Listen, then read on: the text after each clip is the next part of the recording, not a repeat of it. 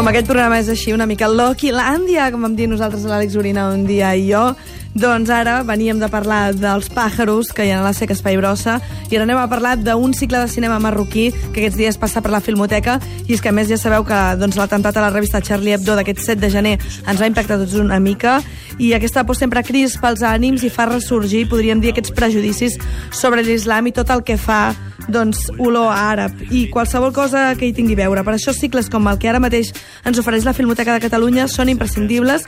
Fins al 28 de gener s'hi podran, podran veure 13 títols fets al Marroc des de l'any 2000 fins a l'actualitat. És una oportunitat única per conèixer el que es fa avui en dia al Marroc i per treure això, doncs, perjudicis i saber una mica què, què està passant. I la Mireia Isar va parlar amb un home que en sap moltíssim i que et va explicar una mica com era aquest cinema. Bona nit, Mireia. Hola, bona nit. Doncs sí, perquè a més a més el que han fet és una, una tria molt concreta, que és que totes les pel·lícules que es veuen en aquest cicle reivindiquen sense tabús, ni censures, ni manies els drets humans i, per tant, ens obren els ulls davant d'una societat i un país veí que tenim molt a prop i que molts cops només coneixem al cop de titular. شوف خاصنا نعاودو نهضروا في التبزنيده أنا راه بانت لي 50 50 هي اللي مثل الكلمات كتسمعني امي كتسكيري Com deies, vam parlar amb un dels seus comissaris, és eh, el Arbi El Harti, escriptor, professor universitari a Rabat, exdirector de Cultura de l'Institut Cervantes de Casablanca i també president del Centre d'Acció Intercultural Universitària Ciutadana. Ell comissaria aquest cicle amb en David Castillo, el cicle es diu Després de Tànger, al Marroc avui, i d'entrada, per entendre una mica el cinema i el que ens ofereix aquest cicle, uh -huh O més que el cinema, més enllà d'això, com, com es viu al Marroc, no? Ens posem una mica en context i eh, el Arbi ens recorda una mica la història del país. Nos incorporamos a la modernidad con la independencia. Entonces, a partir del 56, pues Marruecos se inicia un nuevo, una nueva etapa de, de su historia y efectivamente el cine se incorpora en ese largo proceso que son estos últimos 60 años. ¿no? Ha, ha sido un cine como pobre, tercermundista, tanto a nivell tècnic com a nivell temàtic. I durant unes dècades el cinema al Marroc va ser així, totalment subvencionat per l'Estat, però alhora, com passa molts cops, a l'Estat li feia por l'art, la cultura, uh -huh. i per Mhm. tant tampoc li donaven gaire bola, no? Perquè, escolta, tot el Vés que a faci saber pensar... que diran, no? Exacte, exacte. Uh -huh. Però això va canviar, va canviar cap a l'any 2000, per això aquest cicle se sent en aquesta etapa, amb el rei actual, quan Mohamed VI va arribar al tron, només tenia 35 anys, i ell va canviar les coses i va començar a donar impuls a la cultura. Yo creo que al principio no fue por una razón política. Fue una cosa, es una especie de, energía. Le gusta, es joven y, bueno, lo, incorpora como su manera de, empezar su, su, su, su reinado. Pero después yo creo que le da un enfoque político y el Estado, a través de su jefe, se convierte en una eh, locomotora de, del arte, porque entiende que el cine puede ayudar a pasar el mensaje de un deseo y una voluntad de renovación.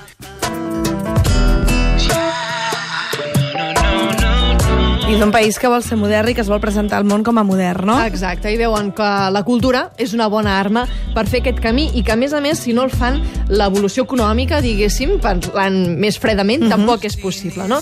Per això, doncs, eh, segueixen subvencionant el cinema, però decideixen, o el rei decideix que sigui totalment lliure perquè, si no, no té futur. I llavors, per aquest motiu, apareix una nova fornada de directors joves i compromesos, que són els que protagonitzen el cicle després de Tànger al Marroc avui. El Arbi El Harti ens fa el seu retrat robot. Casi todos han estado fuera, han vivido fuera, han estudiado fuera, han empezado a hacer cine fuera y cuando Marruecos se abre, vuelven, pero vuelven corriendo. La particularidad de estos, de estos directores es que no tienen la mirada contaminada. I tots aquests creadors que no tenen la mirada contaminada, a més a més, parlen de temes incòmodes sense mossegar-se la llengua.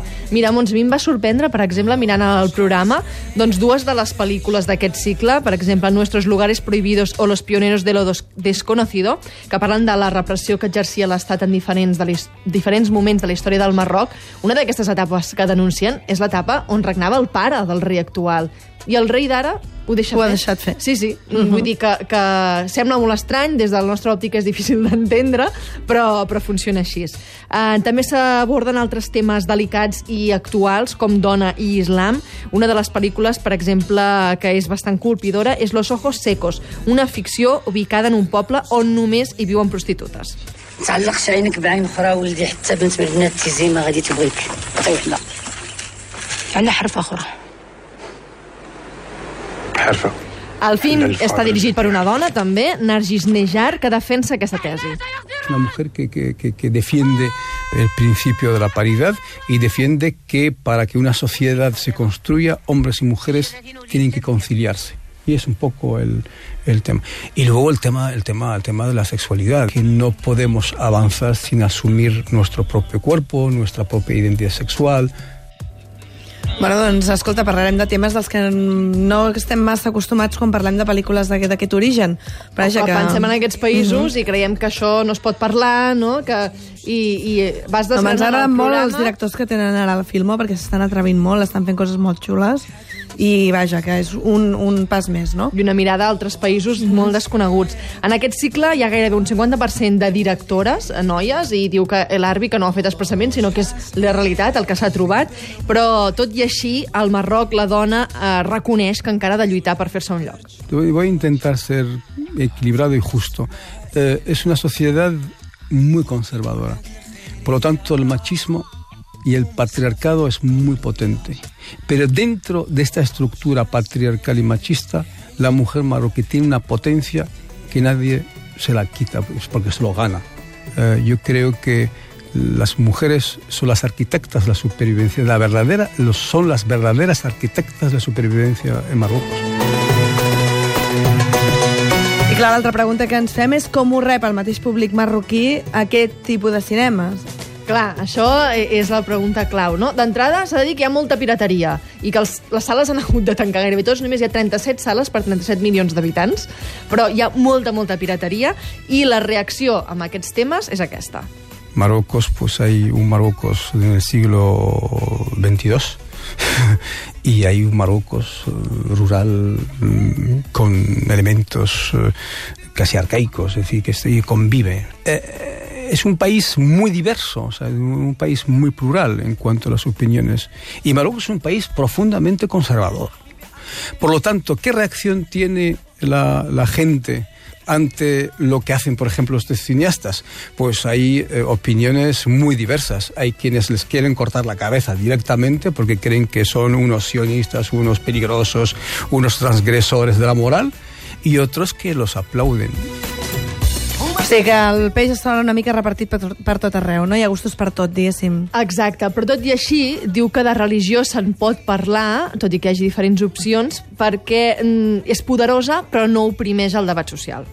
están los eh, islamistas. Fin, hay, hay una cosa que, que- es preocupante, es decir, que, que el, país hay eh, como una corriente de, libera- de liberar, de liberalización, de democratización, eh, de apertura, pero ahí eh, la sociedad se está también como hay una especie de regresión por el discurso este islamista Malgrat tot, Montse, allò que dèiem de Charlie Hebdo, ell em va dir clarament que no, no hi ha grups potents que defensin la violència i que va ser rebutjat l'atac i que hi ha reductes molt, molt, molt petits, tan eh, extremistes, diguéssim, al Marroc i que per molt fonamentalista religiós que se sigui allà, la violència no, no es defensa. I ell deia que potser és el país ja ha fet un clic, un canvi de, de, de pensament i, i que en, es veu en aquest de, cicle després de Tànger al Marroc avui, que és que el país té clar cap a on s'ha d'avançar. nuestros propios enemigos somos nosotros. Y yo creo que la, eh, la gran revolución que se tiene que hacer en Marruecos es la educación y el cambio de las mentalidades. Creo que el Estado como tal ha entendido que volver al pasado, volver a los antiguos sistemas, a los antiguos paradigmas eh, represivos ya no valen. Doncs haurem de veure, haurem d'acostar-nos a la filmoteca i haurem de veure amb els nostres ulls totes aquestes pel·lícules, moltes fetes per dones, amb aquesta identitat pròpia, parlant de religió, parlant de sexe i parlant de coses que fins ara doncs, creiem que eren tabú per al país al costat. Exacte, fins al 28 de gener, Filmoteca de Catalunya, aquest cicle després de Tànger, al Marroc, avui. A mi m'encantaria que els marroquins també anessin a veure'l. O sigui, que fos una cosa no només dels catalans, sinó que els marroquins que viuen els aquí... que viuen aquí. Seria Ah, genial. Home, pot ser, no? Perquè els hi porten a prop de casa una cosa que els hi recordarà els seus orígens i s'haurà de veure el tipus de públic que va aquests dies a Filmoteca. Doncs anirem a veure, a veure si no tots són uh, estudiants de filologia àrab. Moltíssimes gràcies. Bona nit.